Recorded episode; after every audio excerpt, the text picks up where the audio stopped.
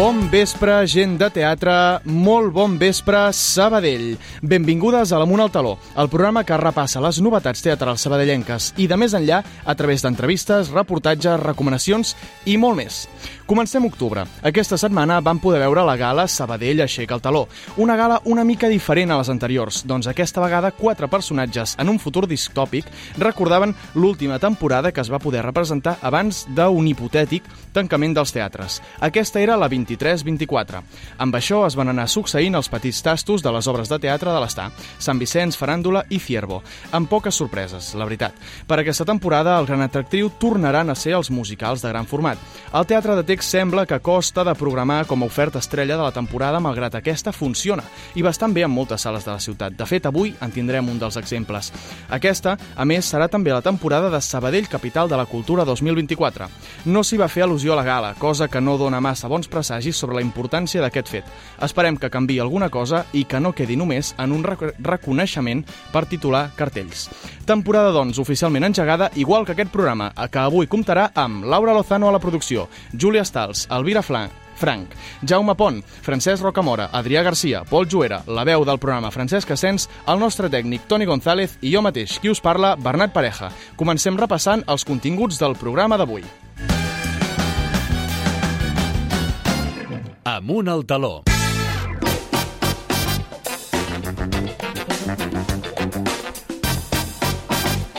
Som-hi, va, alcem el taló. Avui començarà visitant-nos la Júlia Stals, com cada setmana, qui ens explicarà algunes d'aquestes obres que es poden veure i algunes novetats que incorpora la cartellera teatral de la nostra ciutat. Després ens visitaran Carles Tricuera, Jordi Porta i Manel Madriles per parlar de l'Accent, l'obra que obrirà la temporada a la bàscula, una comèdia amb riures assegurats. Després sortirem de l'estudi per recuperar les impressions del públic a la gala està, celebrada, com hem dit, la setmana passada a la faràndula. El nostre equip de carrer sempre a punt per conèixer la vostra opinió. Després, el Jaume Pont ens vindrà a explicar històries del teatre sabadellenc a Entre Talers i Talons. Avui ens parlarà sobre un edifici històric de la Creu Alta, el seu casinet. L'Alvira ja porta unes quantes obres vistes aquesta temporada, malgrat estem encara a 4 d'octubre, i avui ens en ve a explicar dues. Piano Blanco, a la Bada Badoc, i Bèsties, al Teatre Acadèmia. Comencem, doncs. Els dimecres al vespre, amunt al taló.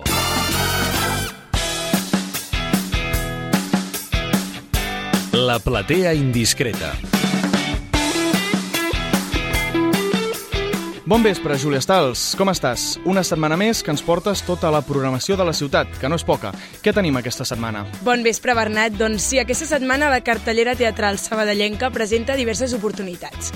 Comencem al Teatre Sant Vicenç, que estrena Els Ascendents, diumenge a dos quarts de dotze al migdia i a les 6 de la tarda, és a dir, dues funcions en un mateix dia. Això serà fins al 12 de novembre. A l'alternativa representaran El Petit Príncep aquest dissabte i diumenge a les 6 de la tarda seguim a la bàscula, on segueix en cartell l'Accent, divendres i dissabte a les 9 del vespre i diumenge a les 6 de la tarda, fins al 22 d'octubre. La companyia Tres Homes Grossos presenta Swim Smoke, divendres de dos quarts de vuit del vespre. A més, interpretaran Masters, la, la comèdia més esbojarrada del segle, aquest dissabte també a dos quarts de vuit del vespre. I per últim, acabem a l'Espai Àgora que ofereixen el Festival de Curtmetratges Còmics de Sabadell, per a Pacurs, dissabte a les 6 de la tarda. I doncs, com sempre, fem l'últim recordatori que es pot trobar gran part de l'oferta cultural de la ciutat a l'aplicació Sincronitzats, disponible a iOS i a Android, i a la web de Sabell Cultura. Moltes gràcies, Júlia. Bona setmana. Fins la setmana que ve. Bona setmana.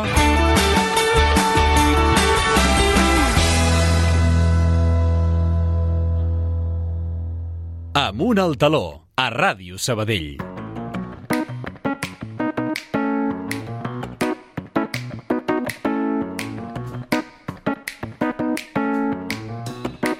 L'apuntador. Abans de passar, però, a l'entrevista, faré d'apuntador. Amb l'absència del Pol, que avui no pot ser-hi, seré jo qui us apuntaré una obra que no tractem a fons en aquest programa, però sí que ens agradaria destacar-la. És Aigua deshidratada, que es podrà veure al Casal Pere IV aquest diumenge a les 6 de la tarda. És una obra de Francesc Cotxet dirigida per Carme Sala i té unes quantes particularitats. El primer de tot és la companyia, la companyia diversa. D'entrada ens diem diversa i precisament això ja, diguem que és, és aplicable a, a, a moltes coses. D'entrada és una companyia oberta, d'entrada som fet 13 dones, comptant la directora, però no sempre tenim totes i està oberta que si algú més s'hi vol incorporar, pues, eh, cap problema. No totes surten a escena, però sí que moltes d'elles formen part del repartiment d'aquest aigua deshidratada. Una aigua deshidratada en si que ja és una obra un punt excepcional, sobretot el, el, el per com està escrita. Ens ho explica. Veure, amb el Francesc ja fa uns anys que hi ha molta relació, bueno, però tot una, un seguit de, de coses eh, va néixer una amistat a través del món del teatre. Eh? I aquesta obra és una mena de regal que ens va fer el Francesc, que la va escriure per nosaltres, directament, perquè, clar, trobar obres amb tantes dones eh, és quasi que les hem esgotat ja, les que ja diguem així que siguin més aviat clàssics, no? I ens la va escriure per nosaltres, per tant és una obra bastant feta a mida. A escena surten 10 dones, però són 8 de les d'aquestes 10 que es troben en un, un dinar d'aquests típics d'institut al cap de molts anys, i a partir d'aquí van sortint històries entre elles i a més a més hi ha un, una història antiga, diguem, que s'anirà filtrant i cada vegada anirà prenent més protagonisme fins a arribar a un final totalment sorprenent. El per què hem d'anar a veure aquesta obra? És simple la resposta. És, és molt dens, és molt irònic, eh, diu moltes coses a la vegada, o sigui que el que no es pot fer l'espectador és adormir-se. Diguem que si no vols perdre el fil, has d'estar molt atent. Posa't al dia de l'activitat teatral de la nostra ciutat a Ràdio Sabadell. Tots els dimecres de 9 a 10 del vespre, amunt al taló. L'entrevista.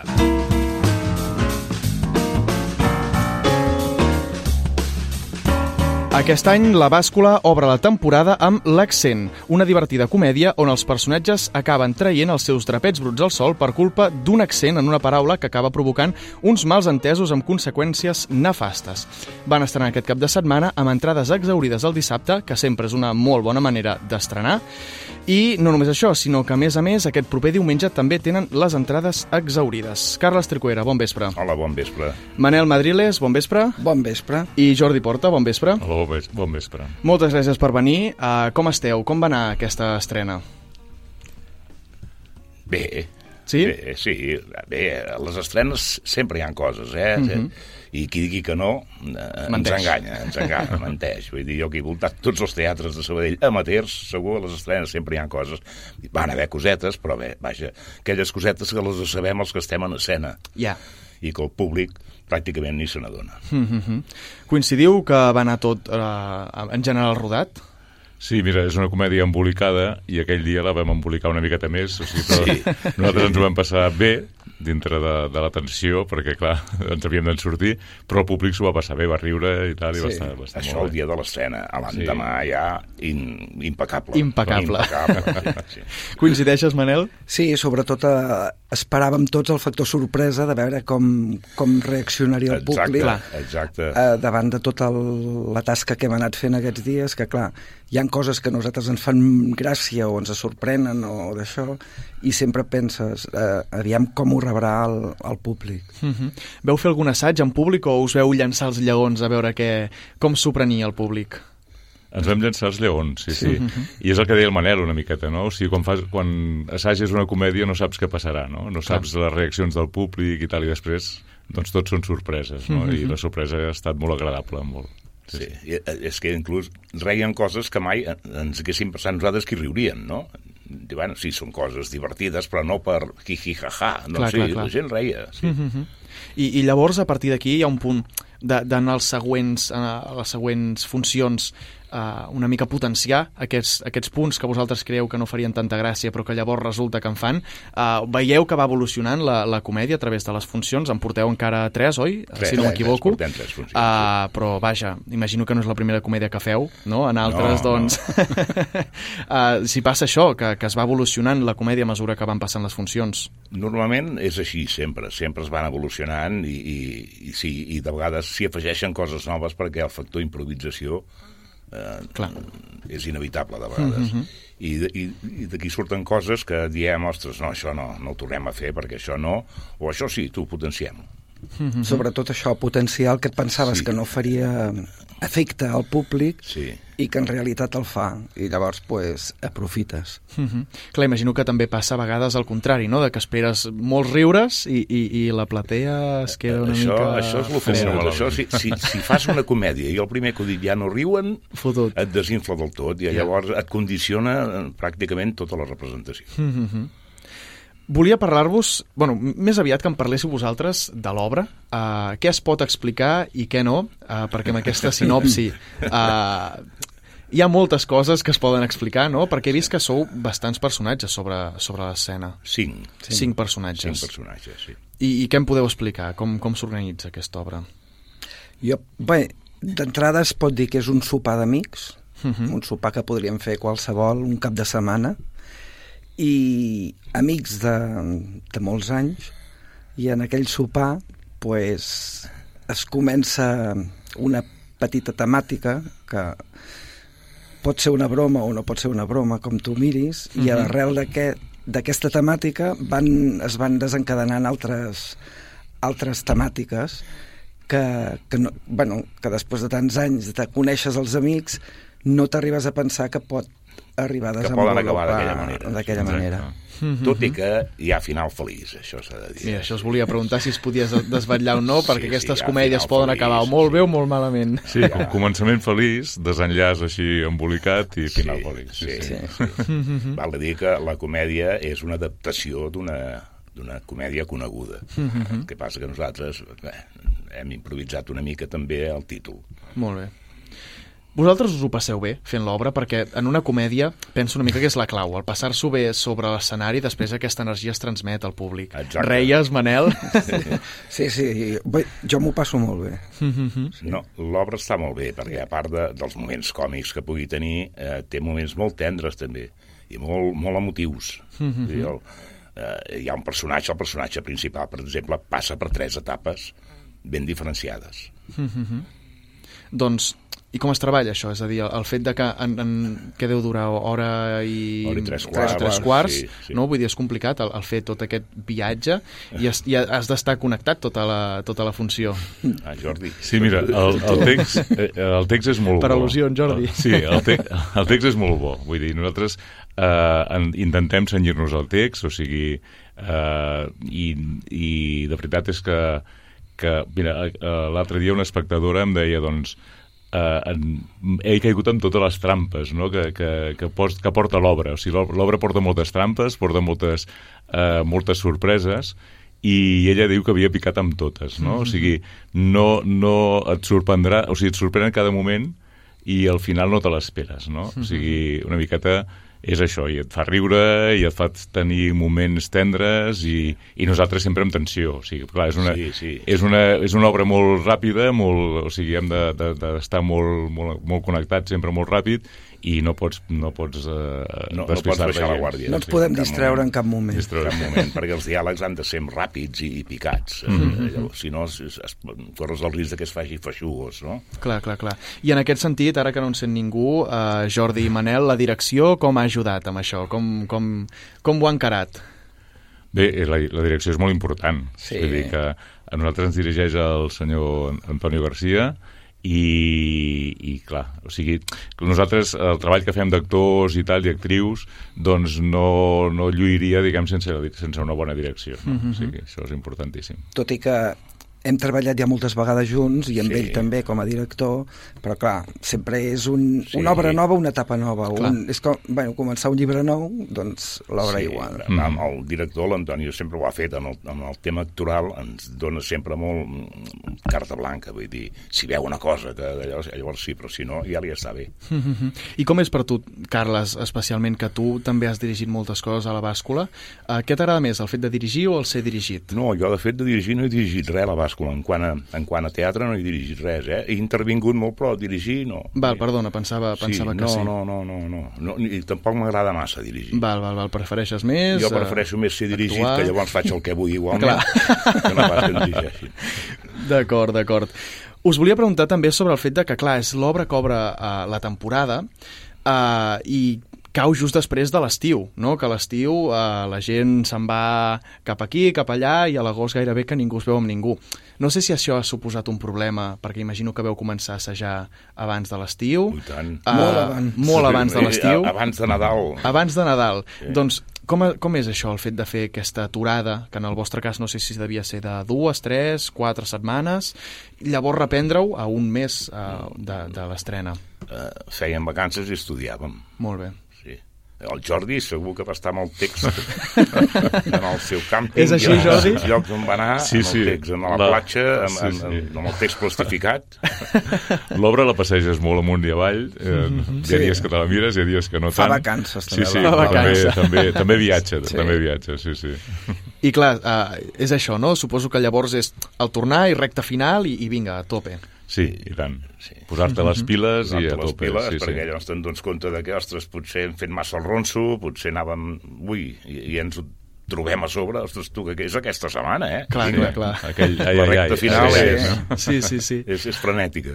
Volia fer un petit parèntesi perquè aquesta setmana passada va ser la Gala Estar, no sé si veu poder-hi assistir. Eh, O jo, no? jo no hi vaig poder assis- assistir perquè vaig assistir a un altre acte, a un un altre d'homenatge acte. a la Maria Teresa Boix, en el principal. Val. Uh, era per comentar-vos el fet de que aquest any s'ha donat potser una mica uh, menys de temps uh, als teatres que no formen part de l'Estar per tal de presentar-hi les, seves, les seves actuacions i una mica si, si en teníeu opinió, què en pensàveu, si, si creieu que ja està bé així o que hi ha, hi ha vida després de l'Estar. Jo crec que hi ha vida després de l'estar. I per tant hauria d'haver-hi una mica més de temps o, o creus que... No, està bé, aviam, la tasca que fa l'estar jo crec que està bé. Està bé, Està bé, està bé, està bé, exacte. Està bé. Tot i que, esclar, e- e- érem cinc companyies, ara Clar. només en queden tres. Ja. Clar, per, per causes de força major, no? Sí, sí, sí. Però, però bueno, vull dir, segueixen organitzant la gala, que és un, una bona catapulta per, doncs, per, per, per donar a conèixer doncs, el que es farà durant la temporada vinent. Mhm. no? De totes maneres, precisament per això hi havia, de, tant als teatres de l'Estar com de tots els altres, es mostrava la programació que hi hauria Sí. aquesta temporada. Sí. Uh, quines expectatives teniu vosaltres per la temporada uh, tant de la bàscula? No sé si participeu en alguna altra obra que ja teniu entre mans. Uh, Sí, sí, estem Sí? assajant totes les obres ja. ja les esteu assajant Sí, totes. sí, sí. I vosaltres participeu, també? Eh, Jo, jo no, jo, jo descanso amb aquesta. D'acord. Però bé, un descans momentani, eh? Mm -hmm. Sí, sí, jo també, jo també. I jo no, jo ja... eh, Mira, justament avui farem lectura de l'obra que farem per Nadal, que Molt bé. estrenarem per Nadal, que és una obra que es titula Potser demà. Potser demà. Doncs potser en un altre programa us tindrem aquí, segur que sí. uh, després, pel tema de, de que l'any vinent serà el, la capital de la cultura catalana, serà Sabadell, uh, creieu que hauria d'haver-hi alguna acció uh, més, més concreta no? de les que hi ha ara per ajudar els teatres amateurs de, de la ciutat? Perquè de moment hi ha poca cosa programada. No sé si creieu que això que s'hauria d'implicar uh, més als teatres o com s'hauria de fer, no? Quina fórmula podríem trobar? Donar-los més facilitat perquè tinguin lloc per fer les seves representacions. Mhm. Esclar, és això, que tinguin sales on, on representar. Donar suport. El problema és aquest, el que tenen les companyies amateurs de Sabadell és això, que han de dependre d'un casal Pere IV, o, o abans d'un centre cívic que es feien, ara no sé si s'utilitzen els centres cívics per fer teatre, ho ignoro. No ho sé. Una mica es fan servir Sí. algunes activitats. Eh, en la sala Miguel Hernández, però esclar, eh, falta... Falten llocs per Sí, poder... Bé, per, per poder acompanyar aquestes companyies que no tenen la sort que tenim nosaltres de tenir teatre. Mm -hmm. I tant. Doncs tornant al tema de, de l'accent, ja per acabar us voldria demanar a veure si cadascú em podria explicar una mica el per què la gent ha de venir a, aquesta, a veure aquesta obra, que ja teniu un dia d'entrades exaurides, a veure si poden ser més. Uh, qui, qui comença? Jordi, per què, per què creus que la gent hauria de venir? Bé, no sé, no, si tenen ganes de passar-s'ho bé, que vinguin. Vull dir, si no, no, no cal. Però, però en principi, si, si ho volen passar bé, es sorprendran, riuran i, i sortiran molt satisfets de l'obra. O sigui, ja et dic, el text és un text, un, una, un humor intel·ligent, un humor que et fa pensar... un humor àcid. Sí, sí, Sí. I, i vaja, en surts, eh, doncs això, plantejant-te moltes coses, però a més a més havent-ho passat bé. Sí, sí. I creient en les trampes. Amb una I creient de- en, les- en les de, trampes. s'ha de sí, sí. caure, s'ha de S'ha de caure. caure. Sí, perquè és que, a més a més, el, el, el, els personatges tots són molt diferents entre ells, són gent mm. molt diferent, no? Per exemple, el Jordi, el paper que fa Jordi és un tio completament esbojarrat, el paper que fa el Manel és un, és un paper eh, un paper bastant sorprenent. Sí, sorprèn, sorprèn. Discret, I el paper reservat. que faig jo, doncs, bé, més aviat una miqueta com sóc, així, un tio... És que una miqueta cascarràbies i que malhumorat, però bueno. I, i... Cal destacar també el, la companyia de les nostres Ah, sí, dues home, esclar, sí, sí, sí, sí, les dues dones Sí. també són molt diferents. Molt de, diferents. De, fet, de fet, mai saben què dir-se. No. Oi? Això és una cita de l'obra. Fantàstic, doncs si voleu escoltar aquesta cita i moltes més al Teatre eh, de la Bàscula durant dos caps de setmana més, oi, si no m'equivoco? Sí, la fem fins al 22. Fins al 22, El dia horari 20, de... dissabte 21 no la podem fer. No es fa, per, per causes de força major, però fem del 20 i 22. Doncs si la voleu anar a veure, són els divendres, dissabtes i diumenges, Exacte. fins a aquest 22, excepte el, El 21, el 21. excepte el 21. Doncs Jordi, moltes gràcies. Molt bé, gràcies a vosaltres. Carles, moltes gràcies. A vosaltres. I Manel, moltíssimes gràcies. A vosaltres. Seguim amb el programa amb el nostre equip de carrer.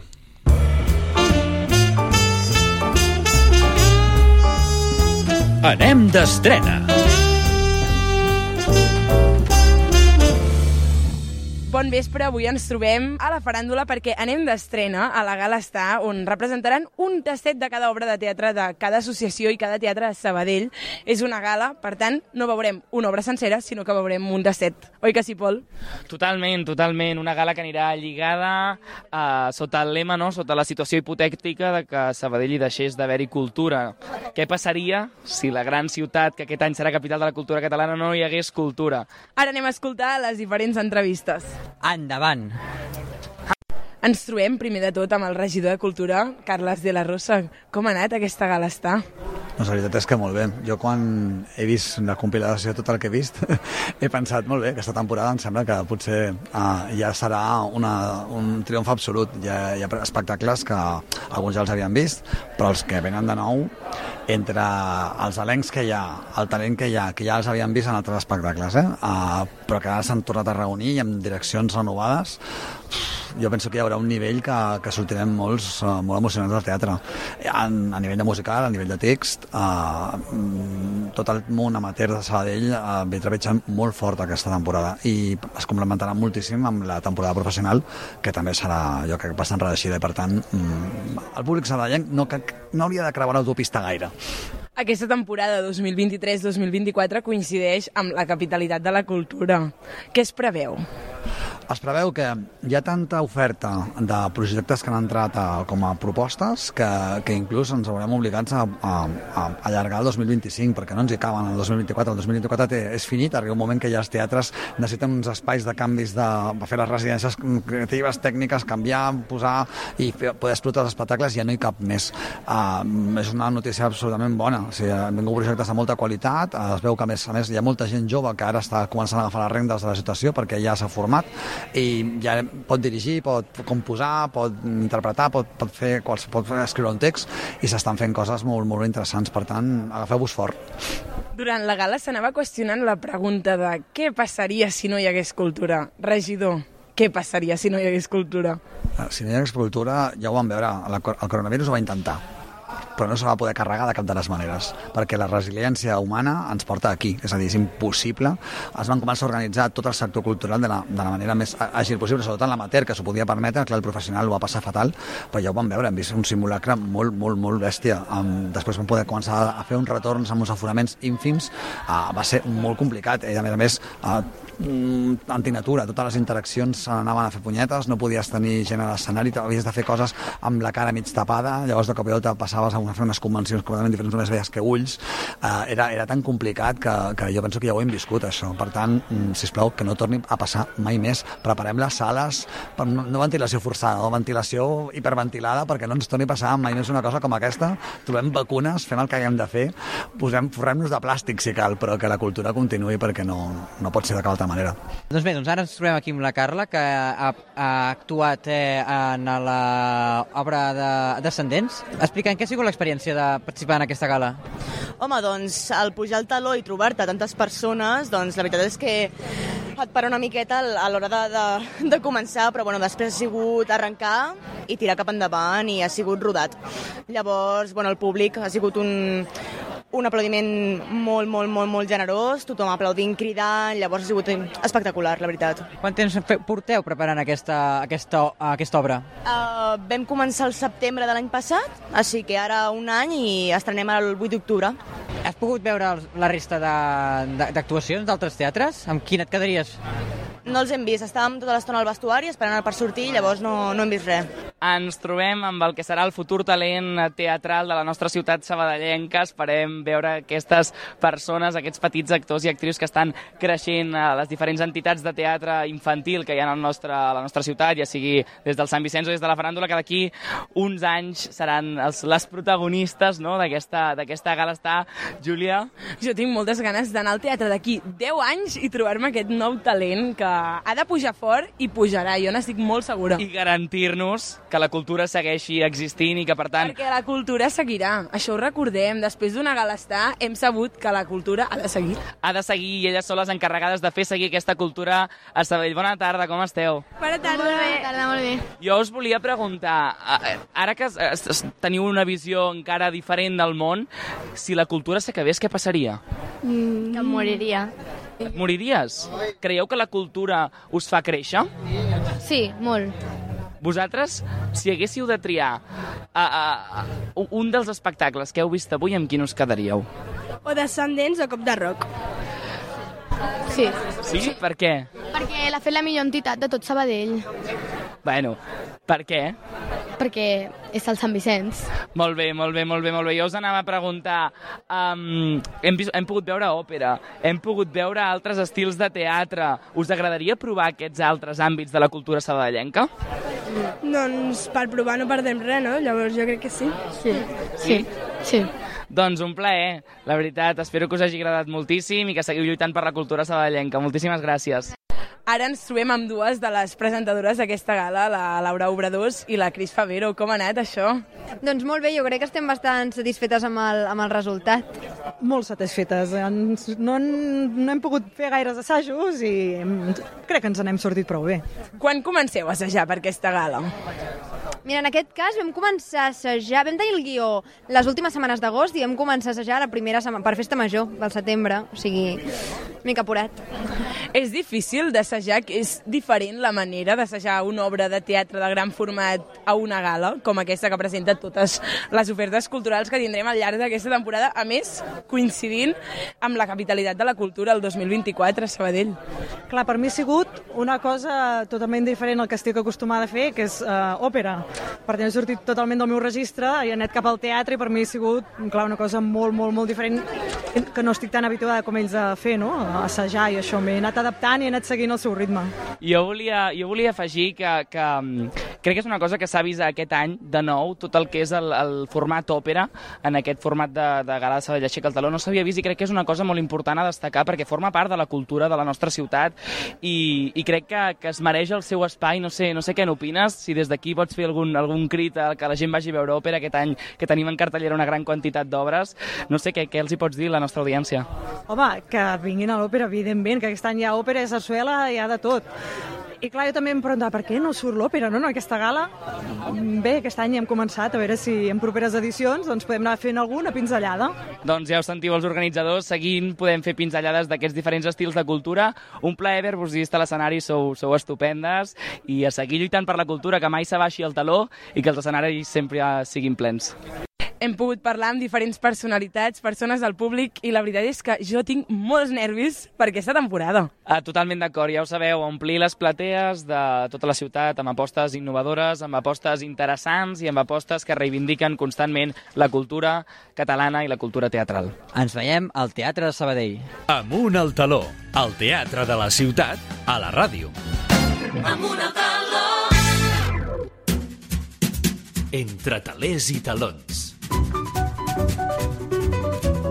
Jaume Pont, molt bon vespre. Molt bon vespre, què tal, Bernat? Molt bé, la veritat és que molt bé i amb moltes ganes d'escoltar què ens vens a explicar avui. Doncs aviam, avui eh, re, re, tornem una mica enrere de tot el que havíem explicat doncs, a la temporada passada. No sé si recordes que la temporada passada vam estar parlant dels 75 anys de la joventut de la faràndula. De fet, pensava que seguiríem uh, no, amb no, aquesta no. història. No, ja, ja, ja es podrien explicar moltíssimes coses, però Home. com que la ràdio el temps és or, i mai millor dit, doncs eh, hem d'anar, hem de sintetitzar. Fantàstic, I, doncs seguim. I ara tirem una mica enrere, reprenem el fil després d'aquesta excursió de la joventut de la faràndula, per explicar la història de la joventut de la faràndula, uh -huh. i anem un altre cop a repassar els grans teatres, els equipaments teatrals que hi havia a la ciutat des, de, des del segle XIX. Fantàstic. Um, de fet, si recordem, la, temp la temporada anterior i l'anterior havíem parlat del teatre principal, del teatre dels Campos, que estava uh -huh, a la exacte. Rambla, del teatre Cervantes i de l'Euterpa. I ara, avui, i segurament als propers programes, parlarem d'un cinquè gran equipament que de fet és l'únic que encara mig eh, dret encara queda, que mig d'en peus encara queda d'aquests, a part del principal d'aquests cinc que, que dèiem i que a més a més doncs, eh, és, és un, un equipament teatral que va ser construït també per una associació mm -hmm. que això també és interessant i jo diria que deu ser aquesta associació eh, que encara, és, encara, és, encara existeix és una de les entitats sabadellenques més antigues que encara existeix en funcionament i es tracta de la Societat Coral Colón més coneguda pel Casinet. No sé si et sona el Casinet. I tant que sí.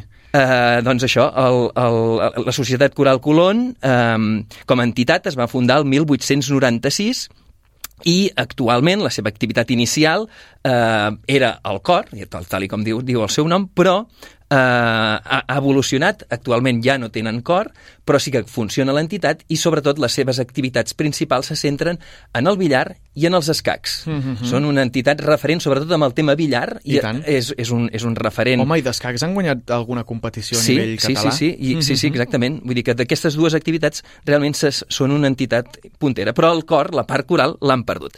Però amb el que dèiem del teatre, eh, sí que és el que, eh, el que l'activitat teatral és el que anem a veure doncs, com, com, com, es va, eh, com, com va ser l'activitat teatral en aquesta entitat. D'acord. Uh, això que dèiem, es va fundar el 1896, però realment el teatre que ens ha arribat, fins, o mig arribat, com deia, fins a l'actualitat, es va construir l'any 1923. Mm -hmm. val? I uh, abans, entre, entre aquesta època, entre el 1896 i fins al 1923, sí que hi va haver teatre, es va fer igualment teatre, però uh, no en, en l'espai que actualment és el, el casinet. Um, de fet, la història del, del teatre del Casinet és força peculiar i, i, i perquè uh, actualment aquest edifici, com dèiem, per això dèiem mig, mig, uh, està mig d'en peus, uh mhm. -huh. no, és un no es destina a un teatre, sinó no. que es destina a un bingo. Exacte. És el bingo Colón. I vull dir que per, per veure una mica tota aquesta evolució de com va passar de, de construir-se un teatre fins a convertir-se en un bingo, doncs és el que explicarem durant uh, aquests dies. Uh mhm. -huh. Com dèiem, al principi la Societat Coral Colón es va crear l'any 1896 en el barri de la Creu Alta, que llavors no formava part de Sabadell, sinó de Sant Pere de Terrassa, i eh, a, a, que eh, es deia, eh, es, va, es va buscar el nom, es va posar el nom de Colón en honor a Cristòfol Colón perquè eh, el 1892 doncs, es va celebrar els 400 anys de l'arribada de Colón a Amèrica i van prendre aquest nom, per això es deia doncs, Colón. I a més a més va agrupar, l'associació aquesta, va agrupar el, a, les, a la gent eh, monàrquica i conservadora del barri en contraposició al que era el círcul republicà i federal de la Creu Alta, que era on hi havia més moviment, eh, o sigui, a les persones doncs, eh, de, amb ideologia obrerista i republicana. Doncs bé, la Societat Colón va tenir diverses seus al barri de la Creu Alta fins que, mil, fins que finalment, el 1905, va comprar els terrenys on se situa actualment el Casinet, a l'Avinguda 11 de setembre, que aleshores era conegut com Carrer Nou. El 1906 es va construir eh, l'actual façana, que té que és una façana que Preciosa. està protegida, exacte, una façana modernista, amb uns tocs així com mig arabitzants, uh mhm. -huh. i es va construir el, el, el cafè i una sala de ball. I l'afició al teatre que hi havia dins de, de la societat va fer que eh, es muntés en el mateix cafè un enterimat per fer-hi teatre. I més endavant, en la part posterior del, del, del, del local, del, del solar, s'hi va, eh, va construir un enterimat per fer obres eh, fora del... per fer, eh, per, per diguem-ne, fer-hi obres a la part del, del que era un jardí, és a dir, el jardí del teatre. Val una mica amb el concepte aquest que ja havíem vist en, el, en els campos i en altres, en altres equipaments, o el Cervantes mateix, que també hi havia com uns jardins. De fet, i la primera obra que es va, que va, que es va utilitzar per inaugurar aquest teatre va ser la, el títol de l'Aldea de San Lorenzo, de Miquel Figueres. I atenció, perquè Miquel Figueres va ser el director, el president de, del, del, del grup de teatre de la Societat Coral Colón, i a més a més també és un nom que repescarem més endavant quan parlem del Centre Sant Vicenç. La secció de teatre del Casinet va arribar a fer representacions d'obres de Guimarà, com La Boja, d'Ignasi Iglesias, com El cor del poble, de Santiago Rossinyol, entre d'altres obres. I fins i tot la Quaresma de 1910, ells mateixos van preparar una passió, amb la complexitat que això suposa. I vull llegir-vos un fragment de les memòries de Domingo Duran i Feiner, que era un creualtenc, soci del Casinet, que va escriure unes memòries on explica la vida de, de, de les hores a la Creu Alta i fa menció a aquesta, a, a aquesta representació de la passió. I em fa molta gràcia llegir-ho perquè els que ara estem en grups de teatre amateur, el que retrata ens sonarà moltíssim i han passat eh, 113 anys. Doncs diu això el senyor Domingo Duran. Diu, va venir la tan esperada primavera de l'any 1910 els socis de la societat, que ja varen començar amb uns bons balls de festa major per Sant Vicenç, es varen engrescar junt amb els afeccionats per fer un embalat abans de la Setmana Santa en el Teatre Jardí, amb la intenció de poder-hi fer unes representacions de la passió, mort i resurrecció de Nostre Senyor Jesucrist. Això era una obra de molt, molta envergadura per aquells aficionats, però com que diuen que no hi ha obstacle amb la voluntat que no es pugui vèncer, jo vaig veure com aquells entusiastes salvaren totes les dificultats. No hi havia decorats per aquell escenari nou. El nostre benvolgut artista, Leandre, els va pintar tots. I per cert que eren una pila, molts talons de fons amb els seus rompiments, des del decorat del Pou de la Samaritana, seguit dels carrers de Jerusalem i el temple, la casa de Jeremies, el palau de Pons Pilat, el palau del rei Herodes, l'hort de Getsemaní, el Calvari, la resurrecció i la glòria, i tot ho va realitzar Haguéssiu vist com treballava cada vespre després de sopar i haver pres el seu cafetonet. Però no us penseu que fos una cosa de l'altre món, no, no, perquè ja us ho diré, en aquella època els jornals eren de 10 hores diàries i hi havia un costum, molt bo per cert, que era que al vespre, quan es plegava, que eren les 7, tothom se'n anava a sopar. I a dos quarts de nou ja podien sortir per anar a la societat a prendre el calent, que en deien. No penseu que valgués gaire, solament valia 15 cèntims. I així cada dia podien dedicar-se a la seva il·lusió. Els uns assajar, els altres muntar els decorats que el Leandre anava pintant. La Junta tenia les seves reunions i procurava que no faltés res per poder tirar endavant. I com que de socis n'hi havia de tots els oficis, els més voluntariosos prenien la iniciativa i s'ajudaven mútuament, per exemple. Els fusters feien l'assumpte de la maquinària, o millor dit, des de preparar tres creus perquè s'hi aguantessin bé els que feien de Jesús bon lladre i mal lladre, o el mecanisme d'enlairar la roca on fa l'oració Jesús a l'hort fins a trobar-se amb l'àngel que ha de baixar d'una boira per fer-li el calze preparar les escotilles per on han de sortir els dimonis de l'infern per tal d'endur-se el cos de Judes penjat, que també ha de tenir el seu mecanisme, puix que en Leandre, a més de pintar una boca de l'infern espantosa, va plasmar com si fos veritat una olivera que tapava el mecanisme on Jesús es penjava, on Judes, perdó, es penjava. Doncs ja veus, Bernat, que, que, que això segur que sona moltíssim eh, el que fan actualment molts amateurs, oi? Sí, sí, completament. La veritat és que sembla una mica, no?, que, que sigui com la marca de la casa de molts teatres amateurs, això d'haver-s'ho de, de fer tots ells mateixos, però, però i tant, i tant. Doncs van representar aquella passió per la festa major de la Creu Alta i van tenir molt èxit. El casinet d'aleshores, a part del teatre, també s'hi feien sobretot concerts i balls. I, de fet, era l'especialitat de l'entitat, els concerts i els balls. Tot i que la secció de teatre feia força actuacions, al llarg de les temporades, ja a partir de 1910, el teatre de Casinet, del Casinet van, es van anar alternant i van començar a contractar companyies externes semiprofessionals o professionals, com ara l'agrupació Carbonell, que algun dia en parlarem, i altres com la companyia teatral Francesc Alegret, el grup artístic d'Àngel Sallent, la companyia còmica dramàtica de Pere Viladomat, entre d'altres. I fins i tot la companyia d'Enric Borràs va actuar al Teatre del Casinet. Recordem que Enric Borràs va ser l'actor de principis del segle XX que va estrenar eh, Terra Baixa, era el, el Manelic, de, va ser el primer Manelic de Terra Baixa d'Àngel Guimarà. I així arribem l'any 1923, moment que a la part posterior del solar, on hi havia el jardí, s'hi va construir el que ja seria un teatre amb les condicions òptimes, que és el que ens ha arribat fins ara. Però això, si et sembla, Bernat, ho deixarem pel proper programa. Fantàstic, Jaume. Doncs moltíssimes gràcies. Ens retrobem d'aquí unes setmanes amb més història del, del Teatre Sabadellenc. Moltes gràcies, Jaume. Amunt al taló.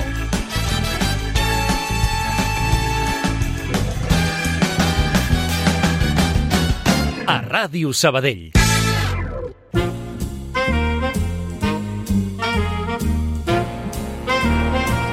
Teatre de Franc. I seguim el programa amb l'Elvira Frank. Elvira, bon vespre, com estàs? Hola, bon vespre, molt bé. Aquí una altra vegada. I tant, Bernat. primer programa que compartim. Exacte, ben retrobat, eh, I Bernat? tant que sí.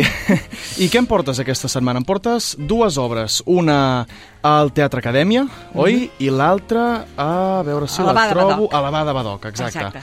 Doncs a veure què t'han semblat aquesta setmana, Bé, les obres que has anat a Comencem veure. per la de l'Abada Badoc, Som-hi, que es diu Piano Blanco, Piano Blanco. amb un llibret i direcció de Marcelo Caballero. -huh. Uh, la dramaturga i actriu argentina Jimena González fa un retrat de la famosa estrella de Hollywood dels anys 50, la Marilyn Monroe. Uh -huh. L'actriu, molt ben caracteritzada, sembla realment la Marilyn, relata amb text i cançons els més amagats sentiments i la vida, des de la infància fins a ser més gran, de la icona considerada la més sensual del cinema, Mhm. la Marilyn Monroe. La proposta és una barreja de sensualitat i senzillesa, de soledat amagada sota el seu somriure, de por i depressió tapades en conductes frívoles que tothom coneixia. Una Marilyn que mai va mostrar el seu patiment, uns sentiments que l'actriu sap transmetre notablement. La música l'acompanya amb cançons compostes especialment per aquest muntatge. A l'escena, un piano blanc, dominant el teclat el músic, cantant i actor argentí J- Juan Pablo Shapira, sempre a segon pla.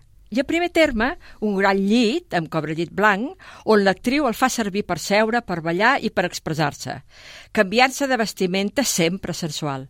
Però el seu rostre i la seva mirada és trista. També hi ha la il·luminació que, que l'ajuda també, eh? Comença la funció quan Marilyn va ser internada a la clínica psiquiàtrica de Nova York, poc abans de la seva misteriosa mort. Una misteriosa que encara no se sap ben bé com va morir, eh? Mhm. Diuen d'un suïcidi, però no se sap. Sola, a la seva habitació, relata la seva infància. Va néixer amb el nom de Norma, sense saber qui era el seu pare. Inclús, quan era famosa, mai el seu pare va saber res, no va voler saber res d'ella. I això li dol. La seva mare tenia problemes i crisis psiquiàtriques i ella va passar per orfenats i acolliments de diferents famílies. Una Marilyn que a mitja representació es treu la perruca, literalment es treu la perruca, Mhm. i descobrim a la verdadera dona, intel·ligent i lliure de prejudicis. Teatre íntim i emocionant que va passar pels escenaris de Nova York, no, de, de Buenos Aires, de Montevideo, de Madrid, de Ciutat Real i de diversos festivals internacionals. Ara ha obert la temporada de la Sala Bada Badoc com a estrena a Catalunya. Una bona oferta pels que els agrada aquest tipus de teatre més intimista. Fantàstic. I tan íntim, perquè la Badabadoc és una sala Molt eh, que petita. té tres, tres files, si no, si no Sí. recordo malament. Tres són- files i dues al lateral. I dues al lateral, per tant són 25 persones, Sí. com a molt. Sí. Una de les sales dins d'on el teatre batega, no? de d'aquestes sales de proximitat, que, Exacte. que a mi m'agraden molt, ja ho saps, Ja Elvira. sí, sí. I bé, doncs, primera, primera proposta que, que ens fas. Sí. I la segona, el Teatre Acadèmia. Un Una altre, que teatre petit, també, eh? Exacte. No tan petit com, com el Bada Badoc, però, també és una sala petita. Exacte, a més també. de 100 localitats. Exacte. I ens vens a parlar de Bèsties, Sí. una obra que jo no he vist ni podré anar a veure perquè Mm. no tinc el temps, Mm. i diria que les funcions, si no s'han acabat, estan a punt d'acabar-se. S'acaben el dia 8 d'octubre. El dia 8 d'oc- 8 d'octubre. Que és diumenge que ve. Però que he sentit meravelles d'aquesta obra. No sé si tu estàs d'acord Sí, o no. es va estrenar en el grec, va fer unes quantes sessions en el grec i després l'han posada ara temporada, Mhm. eh, tal com deies, a la Teatre Acadèmia. És una producció de Sixto Paz. Pau Roca, creador d'aquesta productora, de Sixto Paz, ha dirigit a Marta Marco en aquest monòleg conferència, diria jo, que parla de com la publicitat i les xarxes socials en l'aparença física influeixen els infants, els joves i també els adults. També els adults ens influeixen. Una psicoterapeuta reflexiona sobre un cas d'una seva clienta que té una filla de 8 anys que es vol operar els pits. Uh -huh. Un cas posat a l'extrem que fa trontollar la metgessa i que fa examinar els comportaments de la nostra societat. Però no tan sols el text qüestiona si prematurament hem de canviar el nostre aspecte físic per estar d'acord amb els cànons físics que imperen, sinó que també planteja fins a quin punt els adults hem de cedir a les demandes dels adolescents o dels nens. Ho faríem tot perquè els nostres fills fossin feliços? Es pot ser feliç només aconseguint un físic seguint les normes estàndards? Jo crec que no. els nens volen tenir l'aspecte d'una persona adulta, vestir-se, ballar i fer postures com si fossin persones grans. I els adults també segueixen les fórmules marcades per la moda.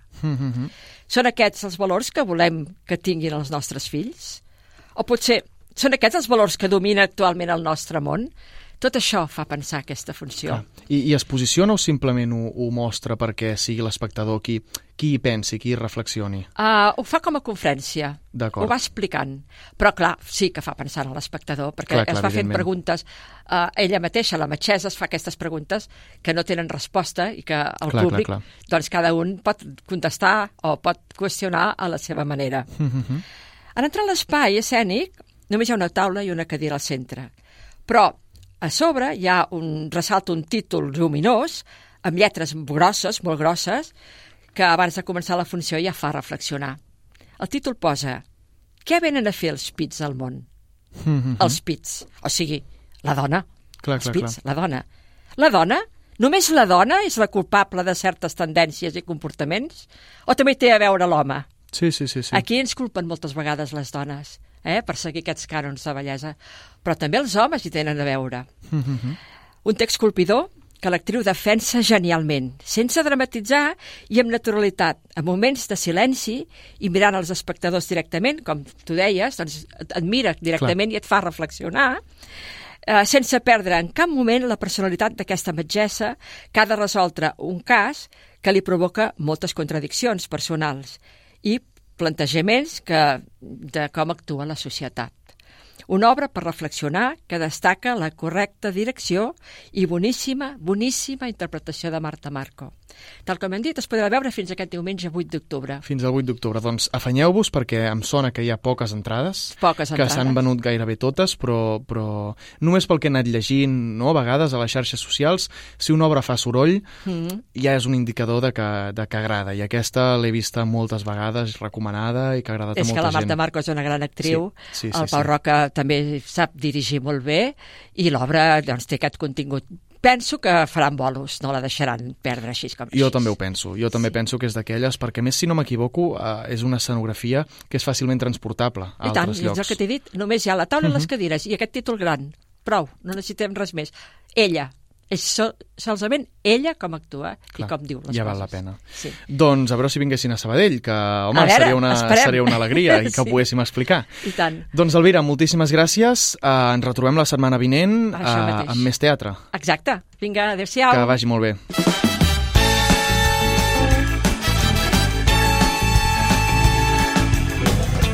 I aquí acabem l'Amunt al taló d'avui. Us recordem que podeu recuperar tots els nostres programes a Spotify. Només cal que busqueu Amunt al taló al cercador i trobareu el nostre podcast. Rescateu també aquest programa i tots els altres a la carta, al web de Ràdio Sabadell. Seguiu-nos a les xarxes, a Instagram, arroba amuntaltaló.està i també a Facebook. Tornem ben aviat amb més gent teatrera i parlant de les novetats dels escenaris locals. Molt bona nit!